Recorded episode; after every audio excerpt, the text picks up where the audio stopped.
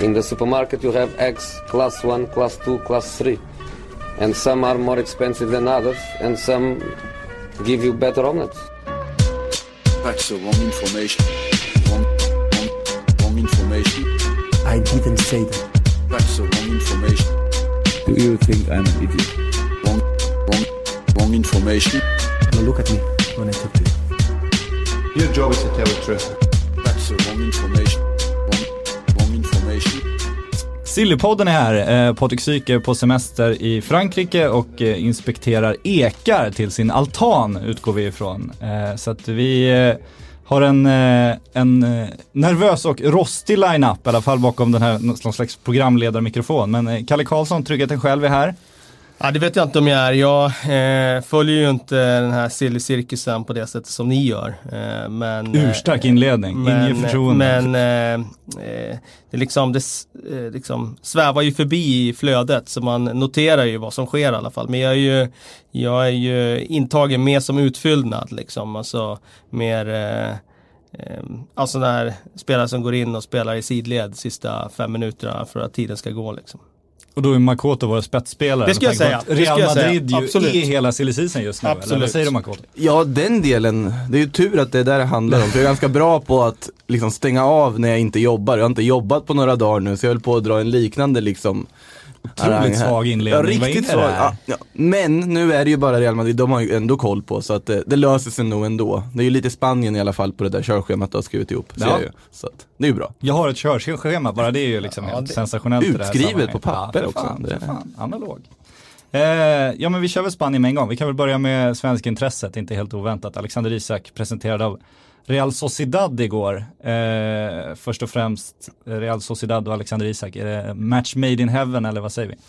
Ja, alltså det, det känns ju som ett jätteklokt beslut av honom. Det, det har ju redan skrivits spaltmeter om det här också, men det är en klubb som satsar på unga spelare, som har ett track record av att utveckla unga spelare som kan senare gå vidare. Eh, I det här fallet då, de som är de stora förlorarna på något sätt i den här affären känns det som att det är AIK.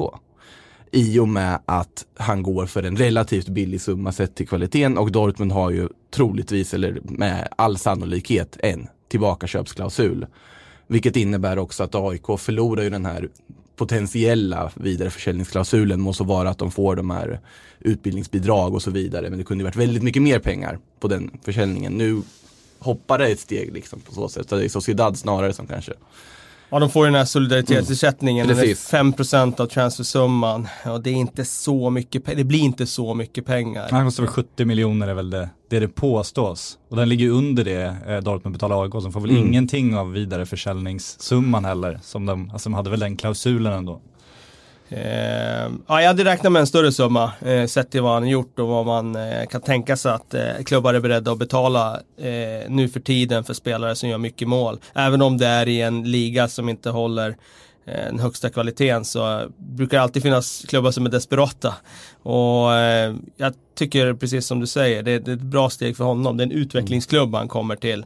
Eh, som har lotsat spelare till de allra största klubbarna tidigare. Eh, och han kan definitivt använda det här som språngbräda tror jag för att ta sig högre upp. Eh, och på det sättet är det sportsligt sett för honom tror jag superbra. superbra. Eh, sen eh, hade jag också kanske eh, trott på en, eh, en större summa men det är kanske är Dortmund som var smarta här med återköpsklausul och så vidare. Man vet, inte, man vet inte vad den ligger på och så vidare så det är svårt att säga. Mm, Det blir ju ett riskfritt lån på ett sätt. Alltså att du, du skickar ju den här spelaren för en, alltså inte så stor summa. Om han lyckas så värvar du tillbaka honom, det kostar lite extra men du får din superspelare. Om han misslyckas så är det inte Dortmunds problem mer. Men däremot en vanlig lånedeal och han misslyckas, då sitter fortfarande Dortmund på det här kontraktet och kan inte bli av med honom. Så det är ju någon sorts glorifierat lån på ett sätt. Men det är väldigt positivt också kan jag tycka på ett sätt att, alltså om, för om man tänker på Willem då, att han var utlånad, de har ju liksom inget intresse av att utveckla Alexander Isak. De hade ju inte kunnat, de hade inte satt sig i januari säga, men han skulle behöva lägga på sig fem kilo muskler till, det är bäst för hans utveckling på lång sikt. För att de är ju bara intresserade av att använda honom ett halvår då, ska han göra så mycket mål som möjligt. Hade Sociedad lånat honom en säsong Mm, hade ju precis. det varit samma sak igen. Så att på så sätt är det ju bra, det Det blir är ju en jättebra deal för de parterna. Ja, de måste ju försvara sin investering nu också Mm. som är betydande för dem. Eh, om man ska ta summorna så påstås det att återköpsklausulen någonstans 320 miljoner kronor. Låter ju vettigt. Ja, men eh, för Robert Laul eh, messade mig från hängmattan igår, var eld och lågor över det här, tyckte att det var något fishy med affären eftersom han tycker då att Alexander Isak går till, till Bundesliga efter att ha presterat i allsvenskan visserligen. Och sen så gör han ett, en, eh, en succévår i holländska ligan, sprutar in mål. Och så är summan lägre då när han säljs nästa gång. Han tycker att logiskt sett borde ju liksom värdet på Alexander Isak ha gått upp. Ja, det är väl det många tycker. Samtidigt så känns det som att det är någon typ av eh, wheeler and dealer politik från Dortmund att göra på det här sättet. Och, eh, eftersom de ändå har möjlighet att, att se över hans utveckling nu och se var det landar och ändå köpa tillbaka honom för pengar som de förmodligen kommer tycka är värda dem då i så fall. Såklart om de väljer att ta den optionen, ja då, då har de väl råd att släppa för lite billigare. Så det är svårt att säga liksom med summan när de gör de här komplicerade lösningarna. Det går inte riktigt att jämföra det med en rak övergång och sen har du inte chansen mer att få tillbaka den på något sätt eller så vidare. Så Laul ska lugna ner sig. Det är inget fishy. Nej, inte, inte vad jag kan se. Eh, det, vad skulle det vara i så fall? Att, eh, att Dortmund inte tycker att han är något bra? Ja, det, man, det man, om man ska ut på riktigt tunn is nu så kan man ju spekulera i det om det, om det finns en, om det är en lägre summa för att undvika att pengarna ska gå till AIK eller om det liksom, Ja. om man ska ha något sånt, Ah, eh, någon slags bonusklausuler eventuellt. Nu Ja. spekulerar jag vilt här, Ja, nej men sånt går, sånt går inte att utesluta. För jag menar Mm. den typen av eh, upplägg har vi ju sett tidigare i fotbollsvärlden med. Och det var ju därför de var tvungna sen att, för Förut var det som med vidareförsäljning, ja men då bytte du spelare, ja men då blev det ingen transfersumma emellan. Men då blev det ju att man fick bestämma att ja men då ska spelaren värderas utifrån det och så ska du betala utifrån det. Eh, så det har ju gjorts den typen av eh, liksom kringgå regelverk tidigare och det tror jag många eh, gör. Den typen av upplägg för att eh, liksom tjäna så mycket pengar som möjligt på varje affär. Det ser jag som, ja det, det är självklart att det förekommer. Så är det nog antagligen i det här fallet och känns det som att om man har satt en högre prislapp, måste vara att han har gjort succé i Willem Tvai, så får du inte den typen av lag som har råd att köpa honom. Så Zidane hade inte lagt så pass mycket mer pengar på en Alexander Isak. Nej, men det hade kunnat varit någon annan klubb. Ja det hade kunnat vara en annan klubb absolut, men sen är frågan, hade det varit bra för Isak? Så jag tror att man snarare, oavsett hur fishy det är, ska man tänka, ja, men det här var nog det absolut bästa som kunde hända Alexander Isak här och nu. För han kommer till en klubb som det är alltid är frågetecken kring William José till exempel och anfallaren som kommer vara första val om man är kvar. Men som alltid ryktas bort för han är också delägd av en annan klubb och lite och så vidare. Så att det finns ju lite grejer där. Skulle vara dyr dessutom. Och Premier League-klubbar har väl varit inne och tittat på honom, om jag har förstått. Eh, Sociedad-fans, eller Real Sociedad-fansen ska man säga, inte Sociedad-fansen. Viktigt. Nu kommer den pretentiösa Mm. läxan här Ja, som ja, men- Twittermaffian redan har börjat Ja, med. men här. det var med, Ja, ja. absolut. Eh, La Real får man La. Real-fansen ja, eh, känner väl så att man vill väl behålla William José och Isak. För man är väl inte helt säker på att Isak kan bära det ansvaret direkt själv. Men för Isaks skull så kanske det är bra att William José säljs då. För det kommer bli begränsat med speltid på ett sätt. Om han är kvar. För de kommer bara spela med en forward gissningsvis. Juanmi som också är anfallsledare, han är väl om inte redan klar så på väg bort till Betis. Sen har du ju, vad heter det, Sandro Ramirez, han är ju helt slut i princip, så det behöver vi inte prata om. Och sen pratar vi om Borja Majoral ska in, men det känns väl som att det är snarare ifall William José försvinner och då har han ju lite konkurrens därifrån. Men det är ju en bra klubb, han måste ju ändå toppa de här spelarna för att kunna ta nästa steg på något sätt. Men går man till La Liga så får man räkna med att det är konkurrens. Det kommer Exakt, inte vara eh, exakt. liksom, motorväg rakt in i en startelva i en av liksom, världens bästa liga. Om Mm. inte den allra bästa. Så att, eh, ja, det får man nog köpa. Ja, John Guidetti sa väl under landslagsveckorna nu att han, han spelar hellre i La Liga och har lite svårt att få speltid eh, än i en sämre liga även om han riskerar att förlora sin landslagsplats. Så det säger väl en del om, om statusen på La Liga också, hur, hur attraktivt det är att spela där. Eh, och apropå La Liga, eh, det är ju, vi har ju ett lok i silly just nu kan man säga, eh, som heter Real Madrid. Eh, Ferland Mendy från eh, Lyon, presenterad så sent som igår. Mm. Vad säger vi om det? Det dröjde ju lite för att de gjorde en andra läkarundersökning som jag förstått det på att det var något gammalt eh, höftproblem. Eller så hade de fel apparater på eh, franska landslagets handläggning. Det finns olika spekulationer där. Oavsett så verkar det ju som att man då har ändå bedömt att Ferland Mendy är tillräckligt liksom, alltså fit for fight så vi kan värva honom. Eh, sen är det ju, ja man spenderar ju verkligen där man behöver spendera för att få spelarna man vill ha. Zinedine Zidane har ju sagt att ja men Mendy vill jag ha, jag vill ha den här, jag vill ha den här och så har man värvat dem. Det är ju så pass enkelt och nu har man ju, det här är ju Galacticos 3.0 som byggs just nu. Må så vara med en liten annan touch, lite yngre touch, lite mer framtidstouch. Eh, och det verkar ju inte slut. Det är ju det som är det värsta, det verkar ju inte slut för vi har knappt kommit halvvägs genom juni. Och man har redan spenderat 3 miljarder, eller 3,5 nästan. Ja, 3,3 har jag 3,3 har du till och med räknat, om man räknar in. Rodrigo också. Exakt, Militao, Rodrigo, Jovic, Hazard, Mendy.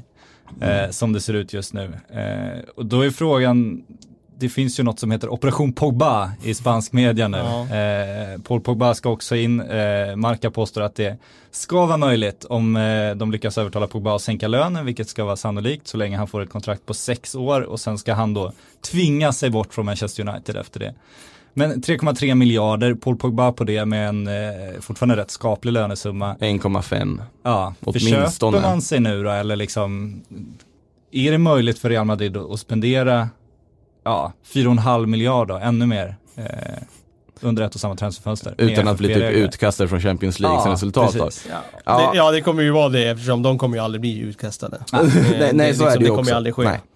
Eh, men samtidigt, jag läste någonstans, det är ju så att de här värvningarna, anledningen till att man spårar ur på det här sättet nu är att de går ju på någon sorts liksom ett annat kalenderbokslut än värvningarna som görs efter första juli. Just det. Ja, så det. just det. Ja, och med tanke på hur Så det här är lite Cristiano Ronaldo-pengarna Det här är. Cristiano Ronaldo-pengarna som spenderas. Nu har man ju spenderat mer än Cristiano Ronaldo-pengarna. Men de, de har ju säkert räknat ut det här på ett vettigt sätt. Att ja, men nu klarar vi oss genom liksom financial fair play på det här halvan. Och sen på nästa halva så kan man då börja sälja lite mer på något sätt. Så Det blir ju intressant att se. Problemet Real Madrid har nu är att dela ut tröjnummer. Ja, Ja, men alltså, ja. För att det är ju fullt, det enda lediga numret är ju nummer 16. Vilket folk har haft väldigt roligt åt för det innebär att om Hazard skulle ta det enda lediga numret då Real Madrid också har sagt att vi kommer inte ta ett nummer från någon. Det vill säga de måste sälja för att kunna ge ut tröjnumren. Hazards nummer vill de nog sätta ganska snabbt för att börja sälja tröjor och så vidare. Men de kommer alltså inte ta nummer sju, då är bara 16 ledigt och det är ju Gravesens gamla nummer. Det det, hade varit fint, men Ja. det känns ju också som, de måste ju göra sig av med spelare nu för det finns 25 nummer och de, börjar, de har tagit slut. Det behövs inte på sjuan, det är ju ingen Mariano. superstjärna. Ja exakt, men han får väl släppa det. Det, det jag, måste tror han kan hända liksom. jag tror han får acceptera och släppa det. Ja, det, det det, känns känns så. inte som han kommer att ha kvar. kvar. Men det är ju intressant också hur liksom transferpolitiken har förändrats. Nu var det ju väldigt länge sedan som Perez körde sin eh, Zidane i Pavon eh, Mm. policy. Men då var det ju liksom köpa den bästa spelaren i världen som helst skulle kosta så mycket som möjligt. Men egentligen inte så mycket andrahandsvärde. Utan de var ju lite äldre, Figo, Mm. eh, Zidane, Ronaldo. Eh, men nu är det ju mer, och Beckham också. Men nu är det ju mer köpa spelare som har eh, liksom potential, i dyra absolut, men alla är ju dyra nu för tiden. Men också potential och andrahandsvärde.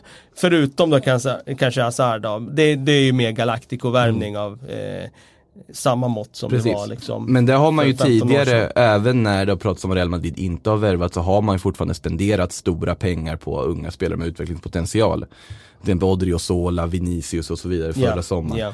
Så det har ju varit en uttalad alltså inriktning som Real Madrid har tagit. Nu känns det ju som att man har hamnat i någon sorts, alltså Zidanes i Pavones fast i någon sorts, vad ska man säga, mergat dem tillsammans. Så det är Zidane Pavones i princip. Ja. Stjärnor men med någon form av utvecklingspotential. Och Hazard är väl den som bryter lite men något behövde de väl göra där också. Men inte det här ett FFP-resultat också då? För om man, alltså, tidigare behövde du inte förhålla dig till ekonomi på det Nej, sättet, det räckte att du exakt. hade pengar liksom. Det är dit jag vill styra in. Ja, att men det blir ju precis. liksom någonstans att du måste göra det på det här sättet idag. Du kan inte bara köpa Figo, Zidane som sen kommer att eh, pensionera sig i den klubben och då finns det liksom inget andrahandsvärde utan nu har du ju spelare, visst de lägger sjuka pengar nu men Mendy, det finns ju ingen som säger att han inte skulle kosta väldigt mycket pengar om han, även om han skulle göra två svaga säsonger i Real Madrid. Det finns ändå ett andrahandsvärde där de kan sälja han för ganska många hundra miljoner ändå.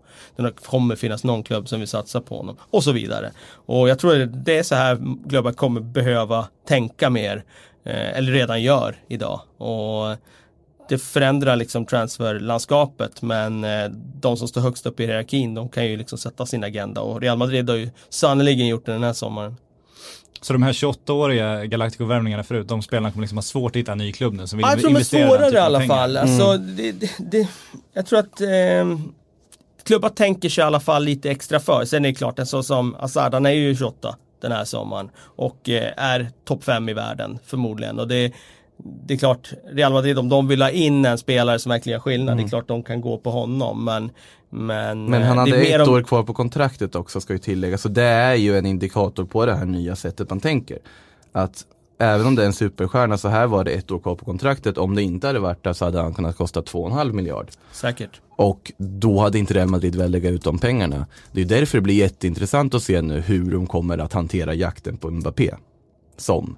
Den, är, den existerar, men frågan är liksom på vilket sätt man kommer att gå tillväga för det. Och om man kan lyckas. För jag tror inte att Real Madrid vill spendera 3 miljarder på en spelare. Han får vänta utan kontrakt då, det blir väl där vi hamnar. Då. Det, är inte helt omöjligt Nej. alltså att man sitter där och väntar och ett år kvar och så går han för 1,5 miljarder då. Men Bara. vad, bara. Bara ja. vad behöver Real nu då? För det, nu med den här operation Pogba pratas det om att Christian Eriksen är avskriven då, ska vi väl också säga bara för att ha sagt det. Men nu har man ju fyllt laget ganska friskt här. Behö, alltså, behövs någon mer spelare om vi bara tittar position för position? Är det någonstans Real Madrid fortfarande har en svaghet där de skulle behöva ersätta? Jag skulle säga att det är Det beror ju på hur mycket man vill förändra i laget för det pratades om att det kom, huvuden kommer rulla och saker kommer förändras. Om vi tittar på laget just idag så har du exakt samma försvarslinje för Mendy kommer inte peta Marcello. Eh, och Tror du inte Militao, att han gör det mot, eh, liksom, inte första matchen för säsongen, men liksom med tiden, med tanke på hur Marcello liksom har helt negligerat allt vad defensivt arbete är liksom. jag tror snarare att Marcello kan lyfta av att ha den konkurrensen. Så kan det vara, absolut. Eh, så tror jag så att jag tror att Marcello kommer vara ett första val. Jag tror att Mendy kommer väl få acceptera lite typ sån Coentrao-roll Mm till en början. Sen men titta på mittfältet så har du Modric, Kroos, Casemiro är fortfarande kvar där. Och behöver man inte byta ut någon av dem och i så fall vem? Kroos har skrivit på nytt, Casemiro kommer ju vara kvar, Modric är väl säkert kvar ett år till men kommer väl slussas ut sakteliga då. Eh, så där har du ju egentligen inte ändrat någonting. Och om du då tänker en trea framåt, nu kan det ju vara en 4-4-2 man väljer att spela istället. Men om man tänker en trea framåt så är det ju Hazard till vänster, Benzema i mitten, vem till höger. Och just nu så är det väl typ, ja men inte till höger. Bale kommer vara där.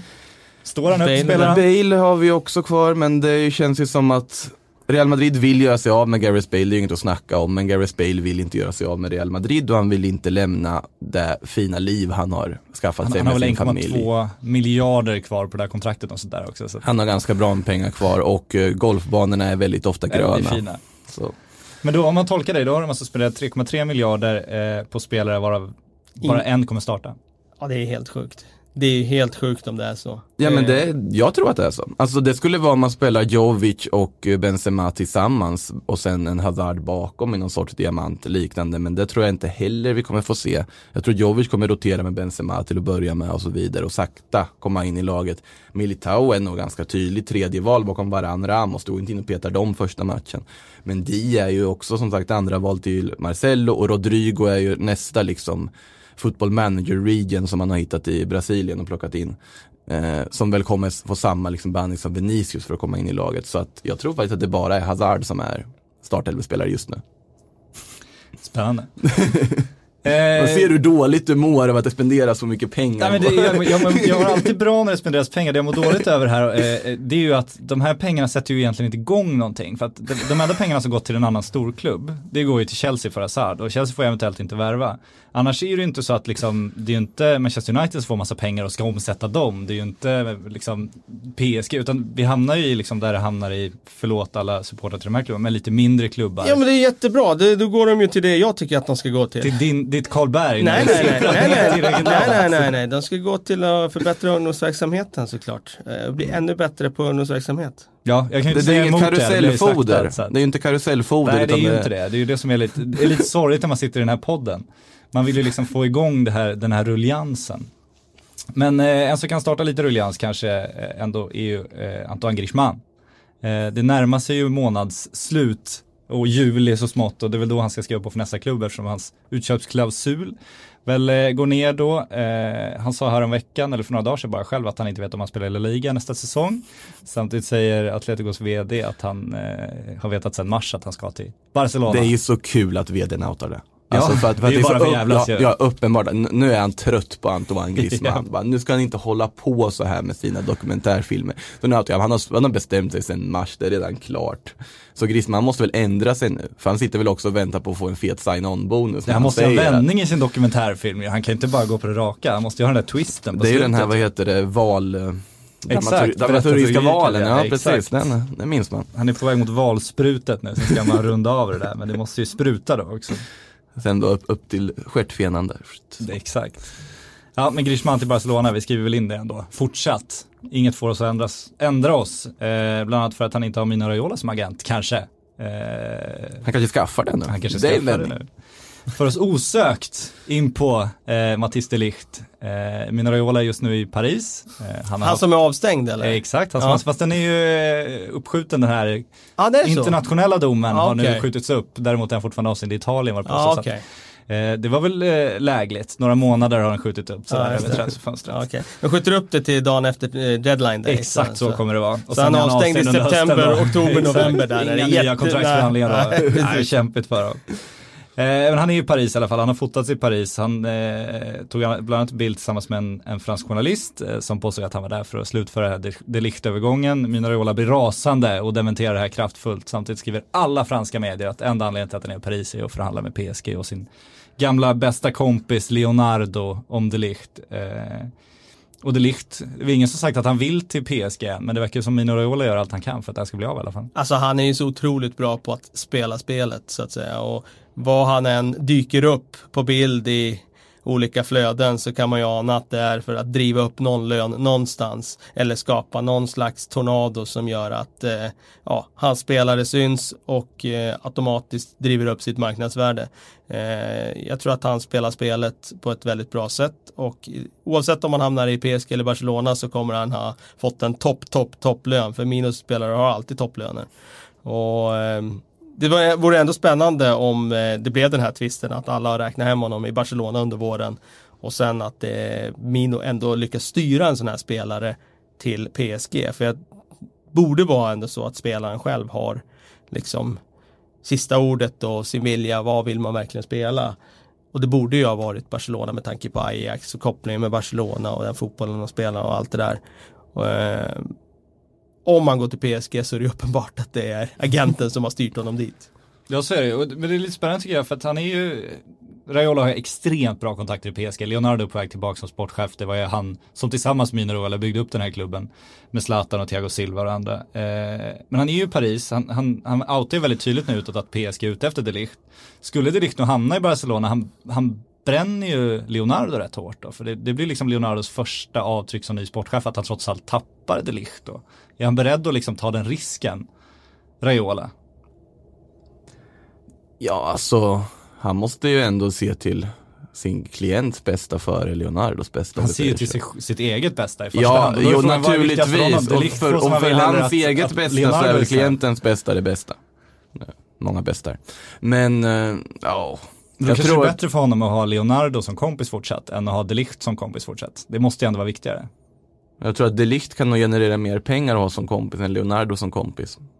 Ändå. Ja, det vet fan. Det tror jag ändå. Om man kan styra sina spelare till PSG, det är ganska nyttigt. Sen det beror på hur länge Leonardo sitter kvar i PSG med tanke på hur det många domare han ska tackla och så vidare. Ja, det, det händer ju saker där ganska ofta liksom, om vi Ja. säger så. så att det, det är ju inget konstant att Leonardo sitter och drar i spakar i PSG med tanke på att han nyss kom tillbaka och Ja. han kan ju ganska snabbt lämna igen känns det som.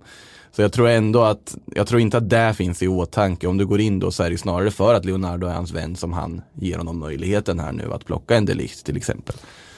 Så, ja. Men är det då att lönen är så mycket större som de erbjuder i PSG än i då? Det det påstås är att PSG erbjuder någonstans mellan 130 och 180 miljoner kronor om året i fem år. Eh, det har väl Barca lite svårt att möta. Sen är det ju Ja. framförallt att PSG ska vara beredd att betala eh, Raiolas egna krav. Ja, just det, just det. Och det ska På 200 miljoner. Eh, Exakt, nej, men det är någonstans runt 100 miljoner. Det ska Barcelona vägra göra. Det kan vara gissa att det är någon slags princip också. Att de helt enkelt inte betalar den typen av agentfees. Ja, just det. Så att eh, Raiola tjänar ju extremt mycket pengar på att han ska gå till, till PSG Ja. såklart. Men det kan väl alltså finnas någon form av sportslig aspekt i det också. Alltså sett till att Delict kommer ju ha en helt annan liksom, ledarroll i ett Paris om han kommer dit som verkligen behöver en ny mittback. Liksom för ja, föryngring och så vidare. Thiago Silva kommer till åren och så vidare. De behöver någon ledartyp. Barcelona så blir han ju på ett sätt en i mängden ändå. Inledningsvis ja, men de står ju Inledningsvis, ändå ja. inför en någon slags Men dagens ungdom har väldigt dåligt tålamod liksom. Ja, men det är klart han kan locka med det. Det finns ju viss glamour att spela i PSG också. Sen vet jag inte, får han en ledarroll i PSG? Och det är just nu ett, ett ledarkrig där. Eh, Mbappé har ju krävt mer inflytande. Neymar vill ju bestämma sitt. Eh, Det känns ju som, ska de Ligt gå in och flytta på Neymar och Mbappé? Ja det gör känns han ju inte. Han blir ju försvarschef möjligen men inte chef i omklädningsrummet. Det blir han ju knappast. Det var väl snarare försvarschef jag tänkte ska tilläggas. Ja. Ja, då har du Dani Alves där. Bästa kompis med Neymar. Han försvarar inte så mycket. Nej, heller. det är sant. Men han står uppsatt som försvarare bara i laglistan. Som, Mar- som Marcelo. exakt. Ja. Men, ehm, alltså, jag kan ju tycka att det, det är tråkigt om, om eh, agenten ska styra eh, en spelare dit där han själv tjänar mest pengar. Så jag tycker ju att det är ledsamt att höra det du säger med att han får den där summan i, i PSG, Raiola, och eh, ingenting av Barcelona och det är uppenbarligen det som har gjort att spelaren har liksom börjat eh, styras åt ett annat håll. Jag kan tycka att det är tråkigt. Eh, Jag tycker att eh, spelarna borde ha eh, liksom störst utvecklingsmöjligheter som liksom det absolut viktigaste när de väljer klubb. För pengar det får de ju ändå. Eh, det är inte så att han kommer gå lottlös om han signar med Barcelona. Men eh, uppenbarligen så är det, finns det andra incitament idag också. Men det här är så konstigt för att man fattar ju någonstans att PSG går med på att betala Raiola här om det innebär att de får en spelare de annars inte har haft en möjlighet att få. Liksom. Alltså de, det blir ju en del av deras transfersumma någonstans. Men att spelarna hela tiden, jag tänker på Paul Pogba också, som ju, alltså de här pengarna som agenten tar, de hade ju spelarna kunnat få. Alltså det, det är ju det, Mm. agenten förhandlar till sig ett paket och så delar han upp paketet mellan sig själv och spelaren. Om han då tar 200 miljoner från Paul Pogba, att Paul Pogba inte reagerar. det, för ja. liksom Manchester United, det är ju inte så att det var Raiola som satte igång Manchester United-affären åt honom, utan den hade han ju kunnat göra utan en agent. Ja, ja, ja, han kan ha gjort det själv liksom. Nej, jag håller helt med dig. Det är liksom som att agenten har gått in och, och fått en otroligt stor makt över transfercirkusen och blivit för jag menar den här agentfees, det, det fanns ju inte förut. Det här är ju någonting som har kommit var nu. ju en, en del av Ja. spelarens lön Ja. när det var som, som allra lugnast. Precis, och nu är det liksom bara en, eh, en, eh, engångssumma som ska betalas ut eh, i samband med att affären görs. Som att agenten har scoutat fram spelaren, som att man inte har koll på vilka spelare man vill ha. Det, jag, jag tycker det är märkligt att det har blivit så. Och sen när man ser hela vägen ner att även allsvenska klubbar betalar så otroligt mycket pengar i agentarvoden. Det är, eh, ja, det är uppseendeväckande att det har blivit så. Ansvarslöst skulle jag till och med kunna tycka att det är med tanke på att man han- handlar en ganska, ganska smal ekonomi i allsvenskan och att så mycket pengar försvinner till, till agenter. Men Istället det- för ner det- till det- Kalle Karlssons ungdomsverksamhet där de är Men hemma. det, pro problemet är ju om eh, liksom, Det måste ju vara så att klubbarna känner att om vi inte gör det här så då blir vi ifrånåkta. Mm. Annars skulle man ju bara dra i svångremmen. Ja, det krävs ju någonstans pakt att alla Ja, går ihop ja. och helt enkelt. Och då är ju de här, Fifa och Uefa är ju jättebra på att organisera Ja, fotbollen. absolut, så att absolut. de har inga, inga problem att ordna det här. Ja, men det finns ju starka klubborganisationer Ja, nu ja, så det borde ju gå att göra. Problemet är att det alltid kommer dyka upp någon som skiter i det och sen så köper de alla spelare då i sånt fall. Det känns ju som att det här agentgrejen har kommit upp att det, när det finns någonting att tjäna pengar på så dyker det upp människor som vill tjäna pengar på det Ja, och är lyckas det. på något sätt. Och det är, ju- det är ju jättetragiskt hur det ser ut. Att det finns de här mellanhänderna på något sätt som går in och tar så pass mycket av kakan. Men det är ju mänsklig, nu, nu blir det väldigt djupt där, men liksom mänskligheten och sådan, så om man ser ett chans att vinna pengar så gör ju folk det. Just det, och då krävs ju regler. Eh, men Det då är krävs det. det också att alla följer dem. Och vi ser ju redan idag att det är inte bara så att det, alltså de här agentarvodena, det är ju inte så att de skrivs upp på ett offentligt papper och här så här mycket fick han, utan det försvinner ju in i märkliga Mm. konton och det, vi ser ju även svenska agenter som flyttar utomlands nu hela tiden för att undvika lite skatteregler och annat. Så det är ju en riktigt smutsig bransch, men alla, alla spelar ju med för att så länge alla tjänar pengar kommer väl ingen säga nej. Så. Det blir ju också det att spelarna känner ju agenten som sina vänner. Det är där den blir ju liksom en god vän och en nära vän som de tänker att den här personen bryr sig väldigt mycket om. Men vissa har ju sina föräldrar som agent. Titta på liksom Neymar och farsan där liksom i Barcelona. Du säger ju inte nej till liksom, du vill inte göra en vän eller liksom nära släkting besviken på det här sättet. Och då blir det ju en del för dem att ja men det kanske inte är så mycket för mig att förlora de här pengarna. Och så. Ja, Ja, absurt är det. Eh, absurt också, Premier League, Kalle Karlsson, din hemmaplan. Eh, denna silly season-motor som vi lärt känna genom åren Ja. står ju tvärstill där. Ja, Vad är det som händer? Eh, det som händer tror jag är att de har blivit mycket mer medvetna, de också, om eh, eh, att det ska vara eh, value in the market som Sir Alex Ferguson använde för 10-12 år sedan. Eh, det, ska man köpa en spelare så ska det vara eh, Alltså det ska vara värt det ur flera aspekter. Eh, dels ska vi ha ett behov av den spelaren, det ska finnas ett andrahandsvärde. Det ska inte drivas upp någon sjuk lön. Eh, och det tror jag har blivit en liten förändring bara av senaste eh, årens köpmani. Och ta en klubb som, som Manchester United som kanske har gjort flera liksom, misslyckade värvningar. Jag tror de har fått en tankeställare kring hur ska vi liksom, hantera eh, det här med att köpa köpa. Och då tror jag att man kanske tar lite mer tid på sig. Sen innebär det inte att de inte kommer att spendera när vi är inne i juli, augusti. Det tror jag de kommer göra. Men eh, det är uppenbart att de ligger lite nu och väntar och eh, sonderar terräng, terrängen och tittar på vad, vad är det verkligen vi ska gå på för spår. Jag tycker den här värvningen av Daniel James är ju väldigt liksom det är ett tecken på det, att de har blivit mer försiktiga. Manchester United går alltså till Championship och köper en spelare. När hände det senast att de köpte en spelare från Championship eh, för eh, liksom det, det är en ansenlig summa, men det är ändå en prisvärd summa jämfört med om de ska hitta nytter från La Liga eller något annat.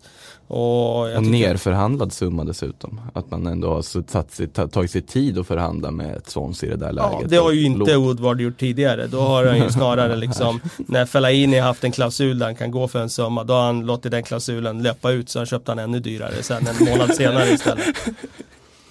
Så att eh, jag tror att det är en liten förändring faktiskt. Är det rätt väg att gå, gå om vi, alltså om vi tänker Och sen om man tittar på? Liverpool och City så behöver de ju inte värva. Så det är liksom, alltså de har ju ingen desperation så. Tottenham värvade inte spelare förra sommaren, gick till Champions League-final. De har inte heller något så här superbehov av att värva. Eh, kan sitta lugnt i båten. Ja, då är det tre klubbar kvar. Chelsea har transferförbud eh, som de försöker skjuta upp. Arsenal United tror jag bidar sin tid lite. Så jag tror det är där vi står. Men tror du att United, alltså är det Championship-värvningar som kommer nu eller kommer de eh, få ett ryck sen lite senare i Nej, jag fönstret? tror de får ett ryck senare i fönstret. Men jag tror det här var den första sådär liksom. Eh, det här kan vara en spelare som de tycker är prisvärd utifrån att eh, de behöver inte lägga de här sjuka summorna som de har lagt tidigare. För att få en spelare som har spetsegenskaper som ändå är, liksom de är unika. Och då tycker de det är värt att göra lite om en chansning på att eventuellt få ett fynd. För nu har de tittat på kunna snegla på Liverpool till exempel, Tottenham som har gjort den här typen av fynd tidigare. United har inte gjort det. Eh, jag tror att de kände att ja, men, det är dags att eh, eh, de chansar liksom, på en spelare som kan utvecklas till eh, de köper en kolbit som kan bli guld liksom. Men för Uniteds del så finns det väl också aspekten att de måste göra sig av med vissa spelare. De har ju en Alexis, de har en Lukaku. Kanske inte måste göra sig av med Lukaku, men det finns sådana spelare som kommer liksom generera att nu har vi pengar att ge oss ut på marknaden för. I och med att det finns så många olika löneposter i den klubben som man måste göra någonting åt. Även Pogba-historien är en annan sak. Arsenals del så har man ju inga pengar överhuvudtaget om man ska tro det. Liksom. Då måste man ju verkligen fundera över varje slant. Okej, ska vi lägga de här pengarna på Yannick Ferreira Carrasco eller ska vi lägga dem på Jordan Vertot som det var rykte som, som sa nej till Arsenal till och med. Lägga dem för att. Och de har ju länge Champions League-spel att erbjuda de här klubbarna så att de måste ju Det tar ju lite mer tid för dem. Sen kan man ju hoppas för deras skull att man inte gör likt man såg i liksom typ Sunderland till I Die dokumentären. Man sitter i fem dagar kvar och bara vi måste ha fem positioner. Vi åker till Skantorp och tittar på en League Kolla vilka som 2-match. inte har handskar. Ja, precis. Så, men, men, så att det finns ju både och liksom. Ju mer du bidar din tid, desto mer så kan, finns ju risken för total panikvärvningar när fönstret börjar stänga. För att vissa av de här stora värvningarna, de tar tid att genomföra. Och man antar ju bara, eller förhoppas att de här klubbarna faktiskt är ute och liksom sonderar och har redan börjat förhandla. På olika fronter. Vi kan ta Carrasco med en gång, han dök upp eh, även i tysk media eh, nu igår tror jag det var. Eh, som alternativ till Sadio Mané om Bayern München inte får loss. Manchester City mittfältan. mittfältaren. Eh, vad ser vi Carrasco? Han kommer från kinesiska ligan nu. Det är svårt att, man följer ju inte kinesiska ligan, det ska jag Nähä. jag erkänner att jag inte har sett så mycket av den senaste säsongen. Eh, eller några andra säsonger. Nej, jag tänkte säga det. Har du sett något Nej, tidigare? men jag har inte sett, jag undrar om jag har sett en hel match ens. Möjligtvis en Asian Champions League-match, men i alla fall. Eh, så det är svårt att bedöma. När han var i Atletico var han en jättefin spelare men samtidigt så kände sig han redan då lite ändå nedåtgående trendmässigt. Var ligger han i för status nu till exempel? Samtidigt så har vi sett lyckade exempel på, jag tänker på Paulinho till Barcelona som han satt och skrattade åt. Han var en av de bästa spelarna de hade direkt när han kom. Han var ju hur viktig som helst för dem. Sen att det var en deal där han skickades tillbaka till Kina efter, det är en annan sak. Men, ah. det, det, du kan ju få honom för en billigare slant antagligen än om du skulle gå efter de stora namnen i Europa. Men sen är det ju svårt att veta vilken nivå håller Yannick Ferreira Carrasco idag. Ja, så 320 miljoner påstås det och eh, man ska väl säga det också, han gick ju till Kina det är ju speciellt, även Paulinho-värvningen var väl lite, det finns ju politik bakom det här. Ja, ja. Eh, Atletico var ju i en ganska utsatt ekonomisk situation när de sålde Carrasco till Kina och sålde dem till en, till en klubb som ju av en händelse ägs av samma företags Trevligt. Imperium Jaha. som är stor sponsor till Atletico också hade lite aktieposter i Atletico. Så att det, det var väl inte så att han skickades till Kina för att han kände att nu är min karriär över, nu ska jag ta in de sista Utan han, nej, var nej. väl, han var väl ditmutad som en... Han var eh, en bricka i ett spel. Exakt.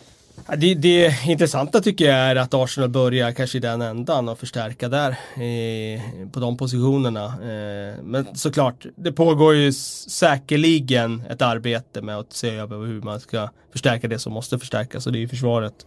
Och, um, men det blir intressantare att se var de landar där för det är det som kommer att avgöra Arsenals kommande säsong. Eh, Chelsea. Eh, det är ju ont om trovärdiga rykten i brittisk press alltid, men eh, tyska Bild som ju brukar upp fötterna påstår att Chelsea tittar på Ralf Rangnick, eh, Leipzigs eh, gamla sportchef, eh, som alternativ till Frank Lampard och Rafa Benitez. Om du får välja en, Kalle. Sportchef. Rangnick, Lampard eller Benitez som tränar för Chelsea nästa Ja, han säsong. skulle, Rangnick han skulle, tränare. han skulle vara tränare. Okej, manager, okej. Eh, ja, jag tycker ju för sig Ragnik är intressant. Eh, och det har jag tyckt ända sedan han var ju i Hoffenheim en gång i tiden. Eh, gjorde ett väldigt bra jobb där. Och nu har han haft lite olika roller men klivit upp en, en stol och blivit liksom sportchef. Så jag tror att han skulle ju klara av själva managerrollen på ett intressant sätt. Sen vet jag inte vad det är för roll han är tilltänkt för i Chelsea. Om det är tränare med hela den här hierarkin ovanför. Så han i alla fall inte får någonting att säga till om när det gäller transfer business. Eller om det är att han faktiskt får en managerroll där han skulle kunna verkligen eh, sätta liksom struktur på deras transfer business. Då tror jag det skulle vara en riktigt bra värvning faktiskt. För jag hyser stor respekt för hans kompetens. Så. Sen är det ju alltid liksom att du tar någon utifrån och kanske inte kan Premier League och så vidare eh, direkt. Men jag, jag skulle tycka det var intressant. Eh, väldigt intressant. Så jag säger Ragnik. Vem bestämmer i Chelsea idag då? Vi ser ju Sarri som inte har en aning om vad, vad som kommer in och som kommer ut och så finns det Kepa. Ja, Kepa bestämmer. Kepa bestämmer. Men det känns ju lite oklart vem som Ja, egentligen är det som det är liksom väl Mariana. Ja, är det hon som sitter Nej, och kollar inte. ut Jag vet förmågan på dem? inte. Jag vet faktiskt inte. Det är ju det som är det luriga där. Man vet ju inte riktigt var besluten kommer ifrån. Eh, men jag hade tyckt det var intressant om Chelsea hade gått ifrån den där liksom eh, oklara liksom hierarkin till att ja, men nu sätter vi dit en manager som faktiskt kommer att ansvara för eh, både eh, att bygga truppen och eh, bygga laget. Så det, det skulle jag tycka var intressant. Frank Lampard är ju såklart Chelsea-mässigt för alla som är på Stamford Bridge är det en dröm såklart. Men jag tycker att den kan få ta något år till. Han kommer ju självklart vara aktuell för den rollen i framtiden om han fortsätter göra ett bra jobb i Derby eller i någon annan klubb. Men måste det vara nu nu? Nej, jag skulle kunna vänta eftersom det kommer bli en tuff säsong med, med eller utan transferbud såklart påverka men de tappar ändå Hazard. Det kommer bli en tuff säsong för Chelsea att ersätta det och bygga om. Ska Lampard kliva in i det läget? Jag vet inte. Ur den aspekten är väl ändå Benitez ett ganska vettigt val också om man tar upp den tredje. Som känns som en tränare som kan göra det ganska bra med inte så mycket medel och liksom Som du kan kasta ut sen bara. Precis Ja, som du kan precis. kasta ut sen bara, lite så. Men hur Eh, populärt skulle det tränarvalet vara då? Det hade Jag menar, inte varit han, han var ju inte superpopulär när han var i Chelsea. Nej, det- alltså, det- han var jag ju road, verkligen. Jag har svårt att se, vad händer med Steve Holland då? Ja, Han nämns inte av Bildt här. Okej. Jag håller mig till Bildt-uppgifterna. Eh, Sen måste vi ta upp eh, Robin Olsen också, svenska landslagsmålvakten. Han vill verkligen inte prata om eh, vart han ska själv. Eh, han stod ju efter matchen i måndag så när vi frågade om, om hans målsättning med transferfönstret och sa han bara nu går jag och så gav han ett stort leende och så gick han vidare. Att, Han gav ändå ett leende när han gav ändå ett leende, han, han, han var inte sur, det var han inte, men han var väldigt tydlig med att det där var ingenting han tänkte prata om.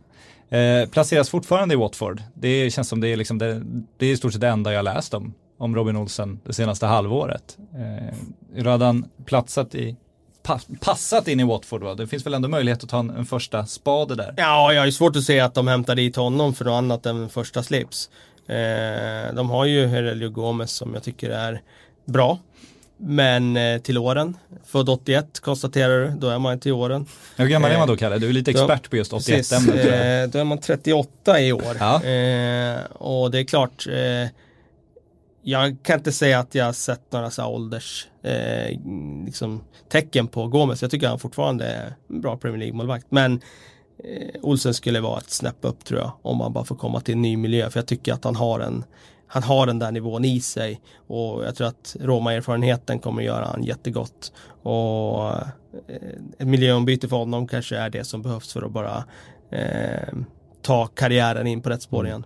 Och lite mindre spel med fötterna, lite mer inläggsspel, lite Ja, mer precis. fysik. Och, ja, och den, den har han ju. Så att, eh, nej men det, jag tror att det, det skulle kunna vara väldigt intressant eh, övergång för hans del. Han blev ju lidande av liksom maktkampen i Rom på ett sätt också. Han blev lidande av att varit någon sorts det som personifierade Monchis misslyckande i klubben. Ikea-möbeln. Ja men på något, alltså när du plockar in alla möjliga spelare för att liksom förädla dem och sälja vidare och Robin Olsen såg man den potentialen i men han passade inte i Roma. Kan man ju säga lite efterklokt här nu. Och han skulle ju absolut må bäst av att få en flytt. Sen vart det skulle gå, det vet jag inte. Men det är ju tydligen Watford som det nämns hela tiden fortfarande. Vi har inte sett något konkret om. Ja, det är det, det, det- mest det- konkreta vi har. Sen undrar man på personligt plan också, undrar man han, han hamnar i Rom liksom. Det är ju det är ett kul karriärsteg från Köpenhamn och så blir det bara ett år och sen till Watford. Den är det är inte helt kul att komma hem till frugan med den. Nu Nej. packar vi igen, Vi ska till Watford. vi ska till Watford. Eh, och Pontus Dahlberg då? Vad händer Say hello to a new era of mental health care. Cerebral is here to help you achieve your mental wellness goals with professional therapy and medication management support. 100% online. You'll experience the all new Cerebral Way, an innovative approach to mental wellness designed around you. You'll get a personalized treatment plan from a therapist, prescriber, or both in a safe and judgment free space. Your Cerebral therapist or prescriber will outline a customized plan with clear milestones along the way so you can get to feeling your best. With Cerebral, you're not alone in your mental health journey. We're here to empower you to live a fulfilling life. So take that first step towards a brighter future and sign up today at cerebral.com slash podcast and use code ACAST to get 15% off your first month. Offer only valid on monthly plans. Other exclusions may apply. Offer ends July 31st, 2024. See site for details. honom nu? Ja, Finns ju där, målvaktsledet. Ställer upp på Mm. bilder med de andra två lite då och då.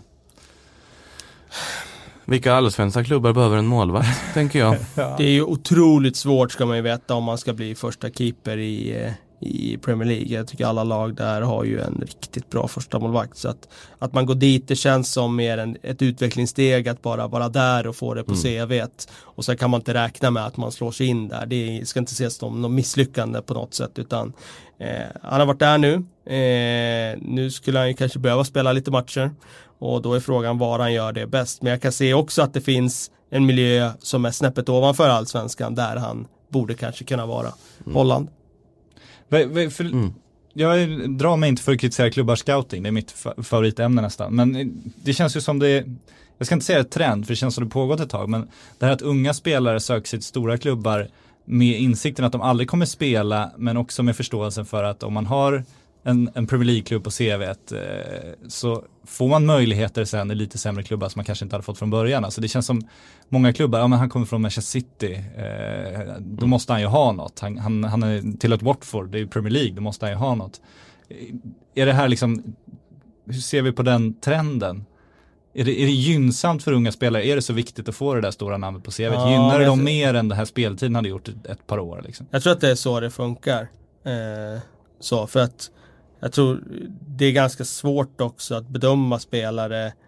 Nu pratar jag om hela trappan ner och så vidare. Liksom du, du kanske kollar på, säg på den nivån, du kanske har 50 spelare på en lista. Du hinner inte se alla de 20 senaste matcherna med alla de 50 spelarna. Utan du måste gå lite också på vad har det varit för nivå Eh, vad han varit på för nivå tidigare och så vidare. Och så tror jag det funkar hela vägen ner. Och då blir det alltid, det ser alltid bra ut om du har en bra, ett bra CV liksom. Det, det kommer ge dig fler chanser än om du inte har det.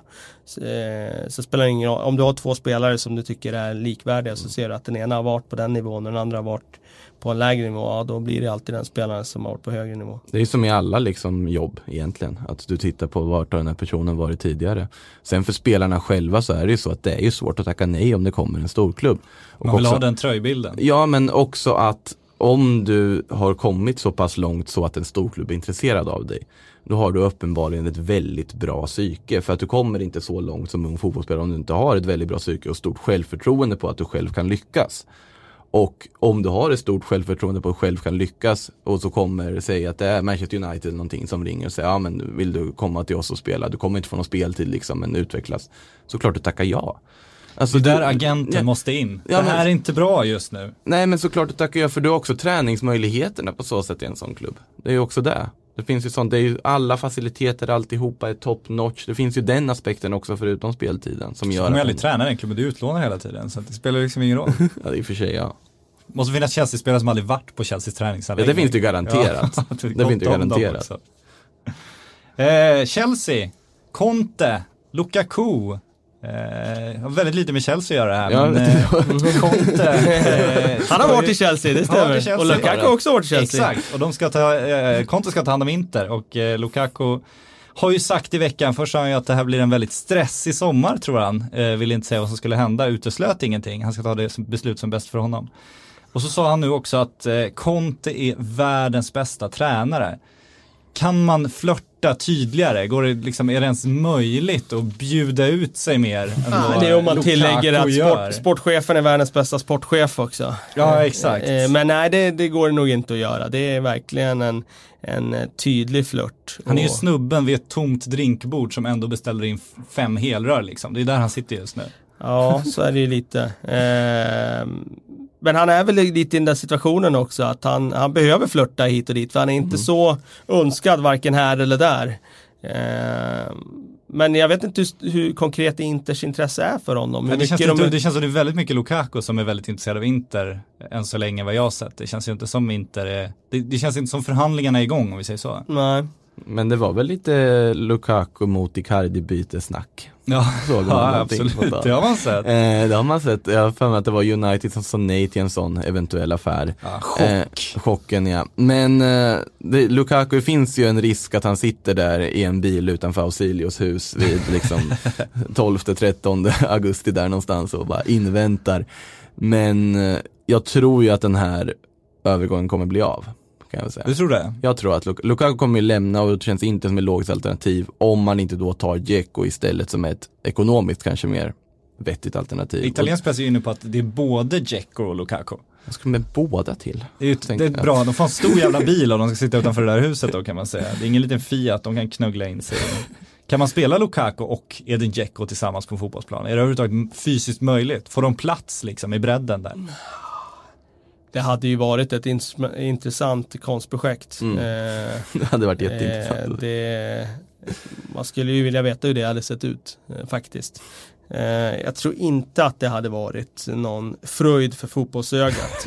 men eh, men eh, nej, jag tror, jag tror inte alls på det. Utan jag tror att i så fall får de välja en av dem.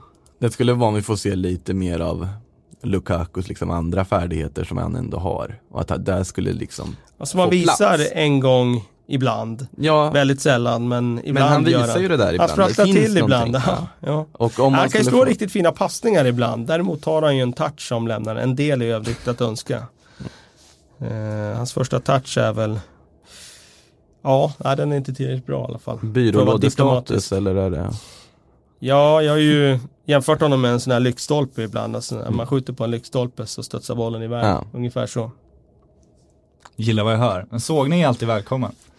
Eh, vi kan väl ta lite frågor. Eh, då kan vi ta oss till Chelsea då som plåster på såren för de som trodde att vi var på väg in på Chelsea nu. Eh, Fredrik Nilsson undrar om Chelsea ej får värva spelare som det verkar, vilka utlånade spelare ska de ta tillbaka till truppen nästa säsong? Nu kastar jag upp den här på uppstuds det, det är ju ganska taskigt egentligen. Men, Vad är det, Eh, 70 namn vi har att välja Exakt, men han nämner några här. Han säger Kurtzoma som gjorde mål eh, för Frankrike häromdagen, Tem- Tammy Abraham, tvåa i skytteligan förra säsongen, Michi Babayoko, Bakayoko, vilka platser? Har inte Bakayoko sagt att han inte tänker dra någonstans och sitta kvar i Chelsea oavsett jag för mig till och med. Han tillbaks. Han gör Winston, Winston Bogard alltså. Han var ju, han var ju en Oh. så här riktig referensspelare för just det där med att sitta kvar på ett kontrakt och bara plocka lön. En Spela- Gareth Bale som det heter idag kanske. Ja, precis. Idag är inte lika uppmärks liksom uppseendeväckande på det sättet, för det har skett så många gånger. Men Bogard blev ju verkligen den första som, som gjordes, liksom, gjorde liksom det till en grej. Fast han var helt oduglig också, det hade med det att göra som gjorde att det vart en grej. eller? Ja, eh, han var ju inte så bra i Chelsea. Han hade ju varit rätt bra innan i holländska landslaget och sådär vill jag Ja, minnas. men prestigevärvning fick ju en rejäl jävla lön. Och åkte in varje dag, det var ändå fint den där bilden om- som har berättats. Att han, han kom ju varje dag i tid och så bytte han om och så gick han ut och tränade med reservlaget. Så gick han in och duschade och så var Ja, det bra. så det tackade han för alla för idag. Det hem det var, så, det var så grejen också, han var ju tvungen att komma i tid för annars hade liksom de kunnat riva kontraktet på liksom att, att eh, Den- Då är man tidigt ute i, i, fall av Ja, bilköer då kan man säga. kommer man med mjölkbudet liksom. Exakt. så att, eh, ja, Har du, har du hittat något nytt hus? Ja men här, rakt över gatan bara. exakt. Men det är som, alltså Bastian Schweinsteiger gjorde väl liksom Alltså heter det, accepterade sättet att göra det där på att acceptera att hänga i reservlaget och vara kvar Ja, i just det, United. ja, ja. Liksom var glad för det liksom. Och skrev, skrev glada meddelanden på Twitter när de vann och grejer. Jag har respekt för de där som ändå håller humöret uppe liksom. Jag gillar det också. problem. Alltså, det, Livskonstnärer. Men annars så alltså, om vi pratar om namnen du nämnde förut, Michi, nej det är svårt att säga att han ska gå på ännu en stint i Chelsea om de inte liksom behöver ha ett backup, men då känns nästan Tammy Abraham intressantare. Ja, mycket mer intressant. Ja, i det här läget utan tvekan. Eh, ja, det är väl ungefär där man kan hamna. Mason Mount tycker jag är intressant, eh, som var i Derby nu. Eh, Mm. Också egenfostrad i Chelsea och eh, tycker jag har eh, dimensioner som gör att han borde kunna göra väldigt bra i Premier League också. James Madison har ju visat att man kan liksom komma från lägre nivå och göra riktigt stora avtryck. Så jag tror att Mason Mount eh, är en intressant tia för nästa säsong eh, och eh, kanske inte ska ha ansvaret att vara nummer ett på den positionen men ändå vara där och rotera lite.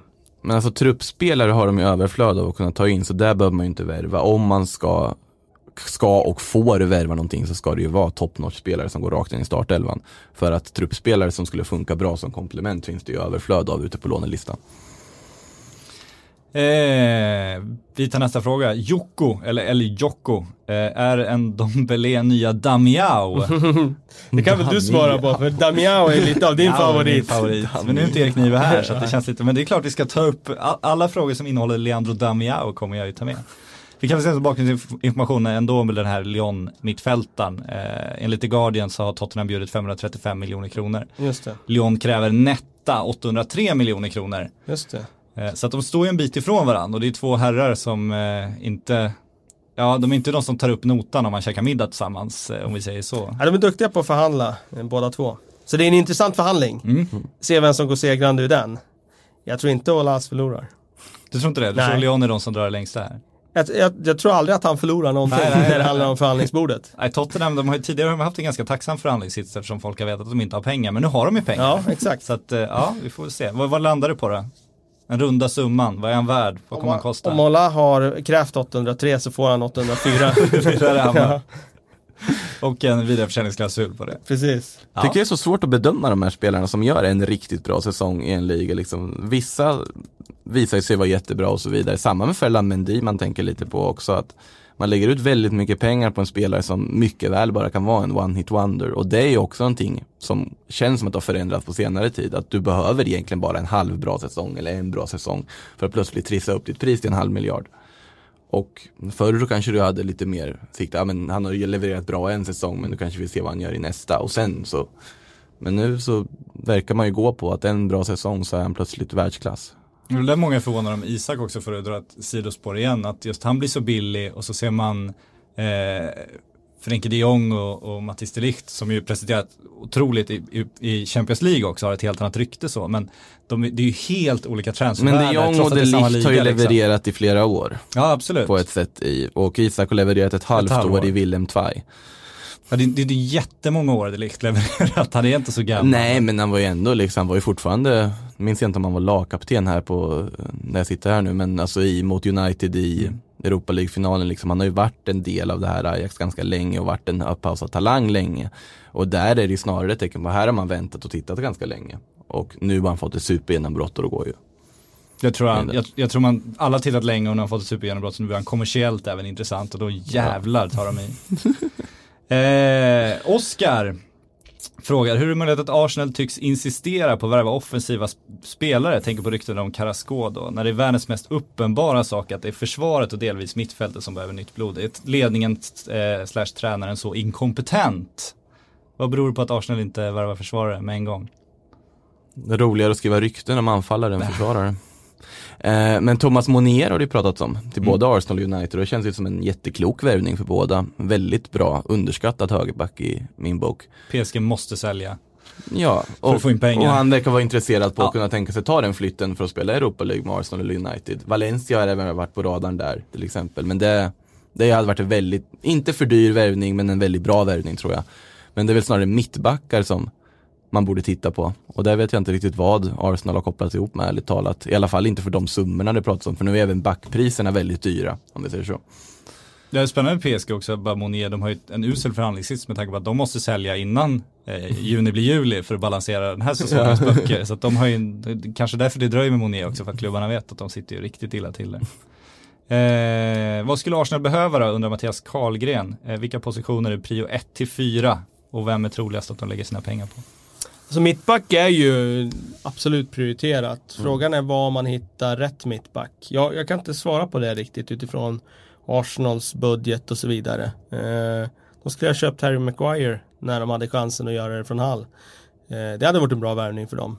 Eh, idag måste man gå ner på liksom James Tarkovsky. Är det där liksom är det där man är? Jag vet inte. Det låter riktigt deprimerande att gå ner på James Tarkovsky för Arsenal ändå. Men det Men jag- kanske han måste göra men det... Jag, jag vet inte. Men eh, där tycker jag liksom, där bör främsta fokus ligga.